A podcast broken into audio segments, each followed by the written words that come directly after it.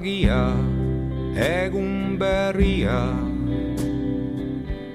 Udan goizik egun sentiko argia Gaua badoa. Da zure izenez datoreguna eguzkia Eldu da.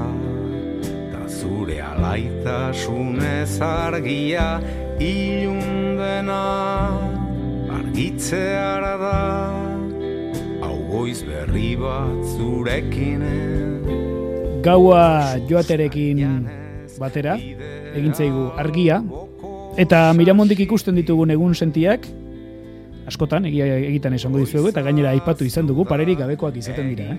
Donostiako gain honetatik, aiako harriaren gainean, kolore gorri hartzen du zeruak, eta benetan, alde horretatik privilegiatuak gara, ez dakidana da, koloreak baino gehiago zuk uinak ikusten ote dituzun, eremu elektromagnetikoak.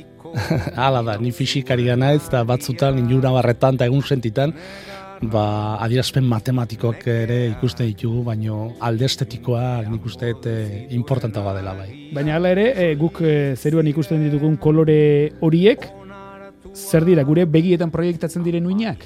Ba, fizikoki argioi uin elektromagnetikoak dira, ez? E, rangu ikuskorrean gertatzen diren uin elektromagnetikoak, eta Maxwellen ekuazioa zadierezita, ba, uin horiek e, ba, eguzkitik eh, atmosferan zehar gure begitara iristen dienak, ez? Hori da, fisikoki. Eta zuk eman diguzun definizio hori kontuan hartuta, fisikari bat, fotonotikan eh, aditua den fisikari bat, gubezela unkintzen da, unkitzen da horrelako egun sentiakin? Ba, jera bat, eh, junden hastean, eh, egun sentia ez baino jaizkibelera, igo ginen, eh, bisitan dauden eh, pare bat Amerikar e, bisitarikin, eta jaizkibeletik ikusi genuen iluna barra, jonden astean, oso oskarbiko egunak izan ziren, eta hmm. moreak eta arroxak ikusi genitun seiak aldea, eta liluratuta geratu ginen, eta momentu horretan ez duzu pentsatzen mas guelen ekvazioaz, bakarrik koloreak, edertasunaz, pentsatzen zu eta horrekin geratzen zea. Eta jeke bai. Javier Raizpuro, ongi etorri. Mila esker. Ondo? Bai, oso ondo.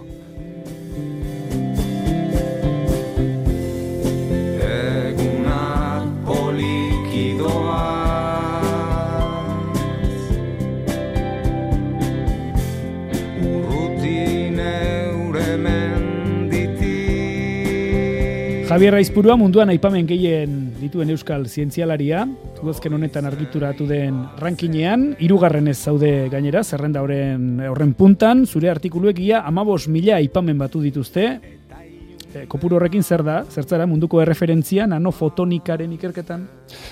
Bueno, ala esatu dute, besteok ez, e, nik ze esango nuke, ba, e, arrakastatxuen zerrenda horiek beti, bueno, balio erlatiboa dauzkate, ez? Horrek ez du esan nahi e, zerrendatan agertzen ez direnak e, ez diela onak edo, baino horrelako aipaimen bat, nazioarteko aipamen bat, zure lana nolabait ere dutzat e, beste ikerketa taldeek hartzen dutela, e, konturatzeaz, ba, nik uste e, bonarrotasun eta posa ematen dizula, ez? Da pixka bat aipamen bat, ez diot ematen hola importantzia absolutorik, baino ona dago horrelako zerrendatan egotia. Kontatuko diguzu zer egin behar den hori hori lortzeko, ez da egit, e, Physics Centerreko zure bulegoko arbela, imaginatzen dugu formulaz beteta, formulazio eta hipotesi mhm. Berriz beteta, horrelakoa da? Bueno, mm, bai, guk eh, lan teorikoa egiten dugu, argia, nanofotonika, argia eta materen arteko elkarrekintza interakzioa astartzen ditugu, eta horretarako ekuazioak behar ditugu, arbela, zuk esatezun bezala, ekuazioz beteta ipini, ez da datu, baino gero ordenagailura pasatu behar dira, ordenagailuan e, emaitzak lortu, aurre ikusi ze prozesu posiblea diren gertatzia edo ez, eta horrekin ba, zerbait e, politia, interesgarria, teknologikoki erakargarria aurkitzen duzunean, ba, emaitza hoi argitaratzen e, duzu, eta editorek edo beste ikerketa taldeek ba, e, zure lana interesgarriaga edo edo aulagoa aurkitzen duten edo aipatzen zaituzte edo ez zaituz aipatzen. Eta horrekin ba aipamen asko jasotzen baituzu ba nola bait zure lana eredutzat hartzen ari dela esan nahi du. Hmm. Hori da gutxera beret gure arloan eta zientziako arlo guztietan. Nago zuen formula bakar bat ere ez genuke laulertuko guk. Bueno, ez, nik uste, eh, nik uste formakuntza basiko, oinarrizko formakuntza batekin ere posible izango genuke zerbait ulertzea, bare, ekuazio basikoak, e, uin elektromagnetikonak, baina bueno, nola baita espezializatua da, eta behar da formakuntza espezifikoa, fisikan, matematikan, bai, hori egia da. Ea, zertan aritzen zaren e, ulertzeko, esan genezake argi izpien ingenieriak zaretela? Bueno, nola bait, bai, e, argia nola bait teknologia transversala da. Eure, e, Komisio Europarrak e, definituta, e, zeharkako teknologia da. Horrek zesan du, argiaekin e, eta argi izpiekin nolabait teknologia sor daitekela. E, argien pulsoak, informazioa, argi barrun informazioa dago, uen luzerak, intensitateak, ez linealtasunak, ba informazio guzti hori erabiliz, posiblea dela teknologikoki ba esplotatu nolabait informazio hori. Eta guk hori egiten dugu, izpioiek hartzea, esplotatzea, menperatzea, manipulatzea eta horrekin ba zenbait aplikazio sortzen saiatzen gea. Beraz, argi izpina, izpien barruan sartzen zarete, denbora txiki txikietan, denbora laburretan, ze, claro, argi izpiak, ez da, eh, ez da nola esplikatu, baina... Ba, bai, argi, gabe... argi izpiak oso azkar dijo ez? E, argiaren abiaduran, hain zuzen ere. Eta abiadura horretan, prozesu teknologiko askarragok, sor daitezke, seguruagok, et ba gu hori e, izpi ultra azkar horre hoietan barrun sartzen gean nola bait matematikoki. Osagai bakoitza astartzen ditugu, eta ba, osagai horren eragina eta prozesuak nola bait disekzionatzen saiatzen gean. Mhm. oso oso txikiak dira erabiltzen dituzuen neurriak ez da, e, bi kontzeptu irakurri ditugu esate baterako, femto segundua, bai. eta pseudo argia. Bai, horrek zesan nahi du. Argia, uinak dira, hori ez, hartan esan dugu, ez? -hmm. Nola bait, e, itxasoen uinak bezala, baina argiaren kasuan, uin elektromagnetikoak. Horrek esan nahi du, eremu elektriko eta magnetikoen uinak garatzen diela, ez? Argian. Ba, uin hoiek, normalean, uinaren naturaren arabera, sakabanatzen dira. Uinari, e, bat dator uinarekin sakabanatze hoi. Ba, guk lortzen deguna, gure taldean eta gure teoriekin, da nolabait argi hori, sakabanatzen den argi hori arrapatzea. Nanopartikula batzutan. Gu materia satitzen ditugu, e, nanopartikuletan eta nanopartikula hoietan, nanoantena moduan funtzionatzen duten nanopartikula hoietan. Nanoantenak? Bai, antena oso txikitzekiak, nanometroko mm antenak, nanometro baten amar atomo kabitzen dira jarraian. Oso e, dimensio txiki txikiak dira. Ba, gu dimensio horiek aztertzen ditugu, eta lortzen ditugu nanoantena hoien bidez, argia harrapatzea oso era askar batean eta dimensio oso txikietan. Eta horrek, ba, nola baite sortzen ditu aplikazio teknologikoak. Nano fotonika da hori? Hoixe bera. Zein teknologitan oinarritzen da? Ba, argiaren teknologia eta nanopartikulen teknologia. Nolabait biek bateratzen dezu nanofotonikan. Argiaren teknologia, fotonika, eta partikulen nanopartikuleren teknologia, nanoteknologia, eta biek bateratuz nanofotonika edo nanooptika sortzen da. Eta beraz zuek ziur zaudete, hain gauza txiki horretatik gauza handiak lor litezkela ba, hori, hori sebera. Guk nanopartikulak eta materia hain dimensio txikitan kontrolatzen eta esplotatzen, nolabait eh, aplikazio teknologi izugarriak, haundiak, zuk esaten zuen dezalak, lortzen ditugu. Badaude, jada aplikazio horiek, begibistakoak dira? Bai, arlo askotan izan ditugu eh, aplikazio, nanofotonikaren aplikazioak. Esan dizudan, bezala oso zeharkako eh, teknologia da, ez? Beraz, adibidez informazio teknologian, ez? E, gu normalian informazioa bidaltzen ditugu edo kudeatzen ditugu elektroiekin zeroak eta batak, mm bitzak, elektroiekin, nolabait kudeatzen ditugu. Ba, argiarekin, posiblea da, zero eta, eta bat oiek kontrolatzea eta menperatzea pulsoekin. Oso era askarrago baten, zunda optikoen bidez, bidaltzen da informazio hori, baino gero informazio hori kodeatu behar da. Esaten dudan bezala, beti elektroiekin egiten da, baino elektroiak oso mantsoak dira. Eta berotzen dira, frikzioari bidez. Orduan guk egiten duguna da, argiaren bidez, informazio hori bidaltzea, era askarrago batean, eta berorik gabe. Orduan askoz eh, teknologikoki askoz interesanteagoa da. Hori garatuta dago aplikatzen da gaur egun? Bai, gaur egun dispositibo optoelektronikotan, gu justu junden hastean, proposatu dugu dispositibo bat, nun argia argiztatzean, elektroik dantzan jartzen du, eta hori dana e, ba, denbora ultra azkarretan egiten dan. Orduan, dispositibo optoelektroniko azkarragok argiarekin egiteko, oaintxe bertan ja proposamenak badaude, eta experimentalki egiten ari dira. Adibidez, jonden martxoko albiste batean irakurri dugu, fotonikan aritzen diren teorikoek lortu dutela, edo lortu duzuela, objektuak lebitatu araztea. Bai, adibidez, gure, argiarekin soilik. Soilik argiarekin. Beitu, gure materialen fisika zentruan, hemen donostian, ibaetan, badaukagu talde bat, eh, Gabriel Molina Tarrizaren taldea, eta justu horretan lan egiten du. Argiakin argistatzen du e, nanopartikulak, eta nanopartikula horiek lebitatzea lortzen du. Beraz, eh, argizpiekin airean gauzak mugitzeko gai izango gara horki? Horrela bai. esan daiteke? Horrela esan daiteke, eta ez bakarrikoi, baizik eta geokokapena, ere, zehatzago, e, posible da lortzia horrekin batea.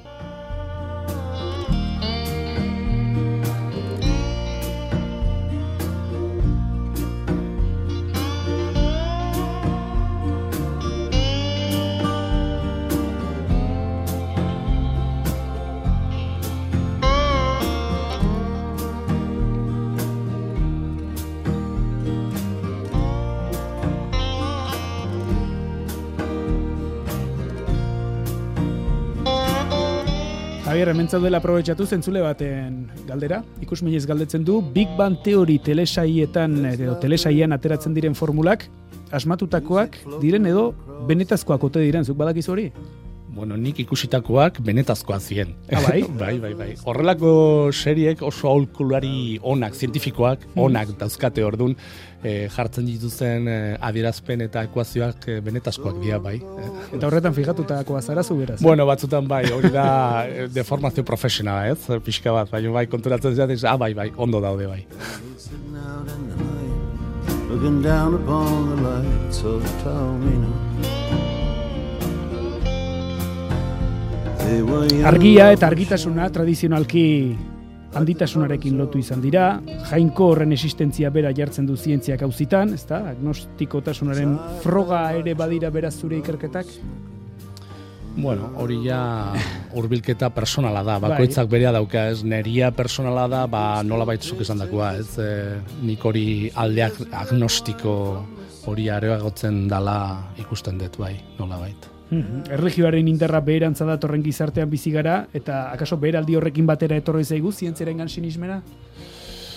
Bueno, ni erregioen balioa, bueno, kolokan jartzen dut, orduan, bueno, esan dudana, dudan bezala bakoitza bere hurbilketa dauka, neria da, ni ez naiz zientzilari, nik ez dut uste zientziak e, gauza guztien erantzuna daukana, daukanik, ez? Hori ez da hola, baino bai era errazional batean gauzak eta bueno, kreazioen e, sorreran balde ba, horretatik pixkat modu errazional batean inguratzea nik uste talde aproposa dela. Eta gero erlijioaren papera hor nik ez nuke uko ingo, baino hmm. nola bait eh, balio erlatiboan jarriko nuke baita. Galdera egin dizut batez ere jakin nahirik e, zer moduzkoa den gure kultura zientifikoa. Evidentzia zientifikoaren aurrean oraindik ere indarra handia dute hemen esate baterako pseudozientziaren erlijioak? Bai, eta nik askotan entzuten denez bakarrik nanofotonikan, bat, baino beste arlo askotan ebai, ez? Ba hori medikuntza alternatiboak edo bakunetan sinisten ez duten jendia eta horleko hurbilketa ez zientifikoak eta nik uste hori ez dala errazionala eta nik ez dut esan dudan bezala ez diotuko ingo beste hurbilketa batzuei, baino nire hurbilketa personala da errazionaltasuna eta pixka bat gauzata ba, zientifikoki eta zientziaren bidez kudeatzea nola bait. Baina ara nun paradoxa irakurri dizugu elkarrezketaren batean kontzeptu erligioso batekin lotzen duzulazuk, fisikarekiko daukazun harremana, debozioarekin. Aha. Debozioa behar da zientzian aritzeko eta nazioartean erreferente izateko?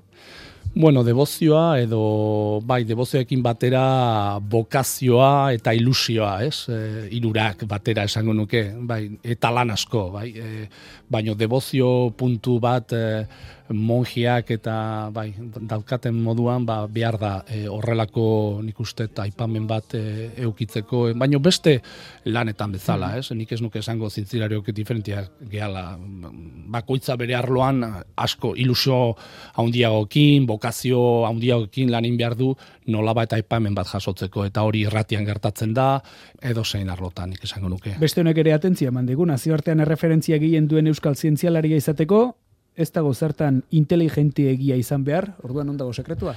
Bueno, igual inteligentzia puntu bat eta pikin bat beharko da, ez? Baino ba inteligentzia pikin horrekin eh, batera ba esandakoa, eh? Nik uste lan sistematikoa, eh, ikuspegi orokor bat eukitzea, e, bokazioa eta ilusioa. Nik e, nire doktorego ikaslei beti esaten diet ilusioa. Osa, naiz eta gauzak esatea, e, epe motzean, ilusioekin jarraitu lan asko, eta pixka bat e, estereotipikoa da, baino eske ala da. Eta, eta nire kasuan ala da. Eta gero lantaldea pentsatzen dugu, zu etzinen edonorekin hasi, ezta, mundu honetan? Ba, bai, ala da. Ni hasen nintzen nian 2000 lauan, e, atzerretik bueltatuta, e, felos gipuzkoa bat, foru aldundiko felos gipuzkoa batekin, hasi nintzen bakar bakarrikan, baino ja berehala lortu genuen lehenbiziko proiektu euro, Europarra, e, nanofotonikarekin zerikusia zeukana, eta ja jendia doktorego ikasleak kontratatzen, eta danok batera lan egiten eta ordun talde lan noi nik e,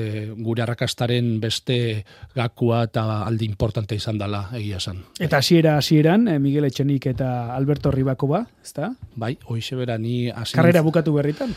Mm, karrera bukatu nunian, zara gozan indakoa, e, ba, bi, e, mila eta behatzen eta laro eta mazortzian, beraiekin doktore gotesia egin nun, e, Pedro Miguel Etxenik eta Alberto Ribakoarekin, elektroien eta materen arteko interakzioa aztertzen, ez? Eta hortik hasen nintzen pixka bat ikerketa munduan bai, oso gaztean nintzen. Aita bitxiak ere behar dira. Bai, bai, eta nik izan nitunak, neriak, bai. Eta hortik aurrera, bain e, karrera hasita, mm, Bueno, galdetu dizugu, zer behar den e, referentzia izateko, e, mundu mailan aipamenak izateko, zientziak produktiboa izan behar du? Bueno, bai, e, nola bait, bueno, nik oinarrizko ikerketa egiten, dut, orduan, berez, intrensekoki ez du aplikazio edo produktibo izan behar. Bakarrik e, interesantia baldin bada nahiko esango genuke. Baino hala ere, guk transferentziako eta produktibo alde hori ba ez dugu alde batean utzi eta eta, bueno, e, fokalizatu geha horretan ere, bai, ez? Osa, que nik produktibo izatea, nik esango nuke importantea dela, bai. Gaur egunko zientzia egiten da, e, ez da bakare geniosko ideian oinarrituta, ez? Da, gehiago hori, ekoizpen, e, ba, hori, jakintzaren ekoizpen lantegi bat bezala, ez? Hmm. Zure produktua jakintza berria dela, ez? Ordun produktibo izan behar duzu, bai. Eta emaitzak izan behar dituzu. Eta emaitzak izan behar dituzu, eta guk, aipamen horiek, oinarrituta daude azken finean emaitzetan, ez? Oso zuek zuen emaitzak, ba nolabait beste taldek e, ba eredutzat hartzen den dutela, ez? Mhm. Eta bizitzan ere bai, bizitza normalean ere emaitzak behar ditugu, ala askatasun gehiagorekin egin beharko genuke.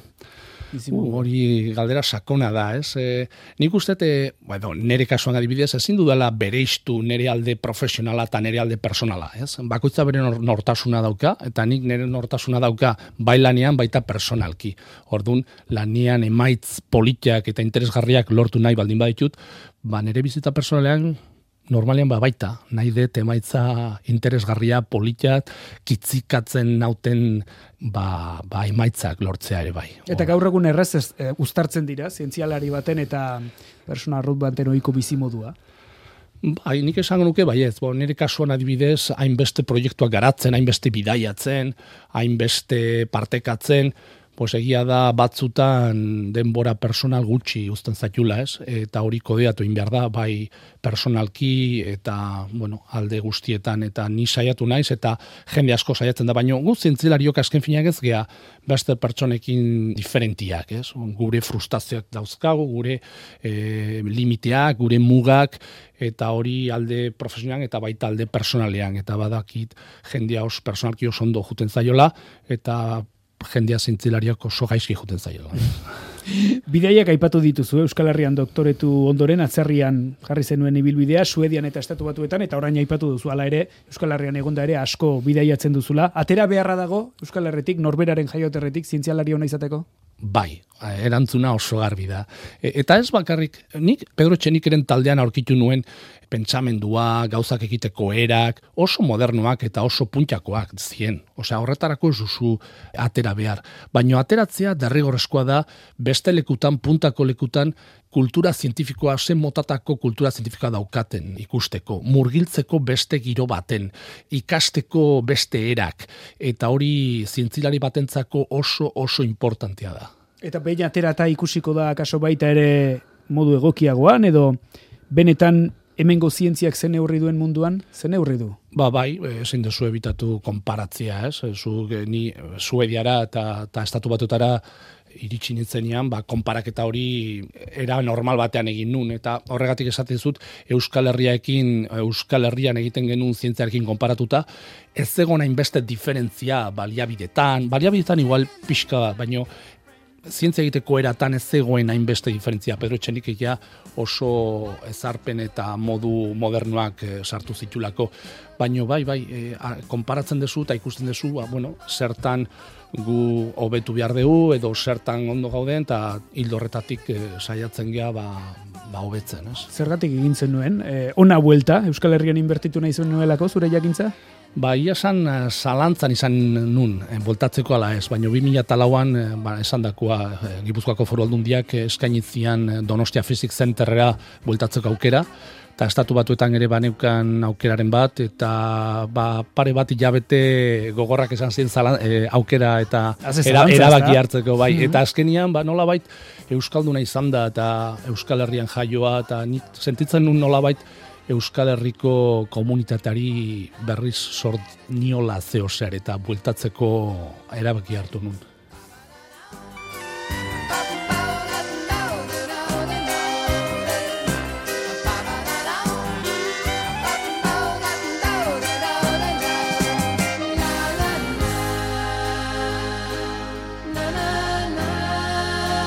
Eta kontatu dizkiguzuna kontatu ondoren, Javier Reizpuruak nora iritsi nahi du? Zein amets bete nahiko zenuke, non bilatu nahi duzu zure argia zientziaren munduan?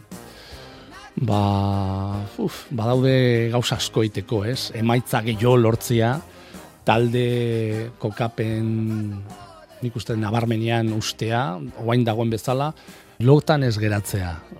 Jarraitu dinamiko izaten, e, taldea hor arrakastatxu erabaten jartzen, eta niretzako hain, karo, gehiago garapenarekin, garapen personarekin, zure erronkak eta zure helburuak aldatzen dira pixka bat. Ja, ni ez naiz fijatzen beste nere buruan, ez? Na, uain talde bat daukat, e, doktoreko ikaslea, jende gaztea oso prestatuta daude, oso onak dira, eta poliki poliki haiek ere beraien ibilbidea egiten saiatzen dira eta hori da guain kezkatzen nauna, ez? Mm. Beraien etorkizuna, taldeko etorkizuna eta gero arloan, ba, nolabait eh, haiek ere, ba, beraien eragina eta aipamena itia, ez? Baina zure jakinminari uko egin gabe, ezta? Zure bideari uko egin gabe. Noski bai, et, punte, ego puntuei eta ambizio personain puntuei beti jarraituko du horrez, hori seguro.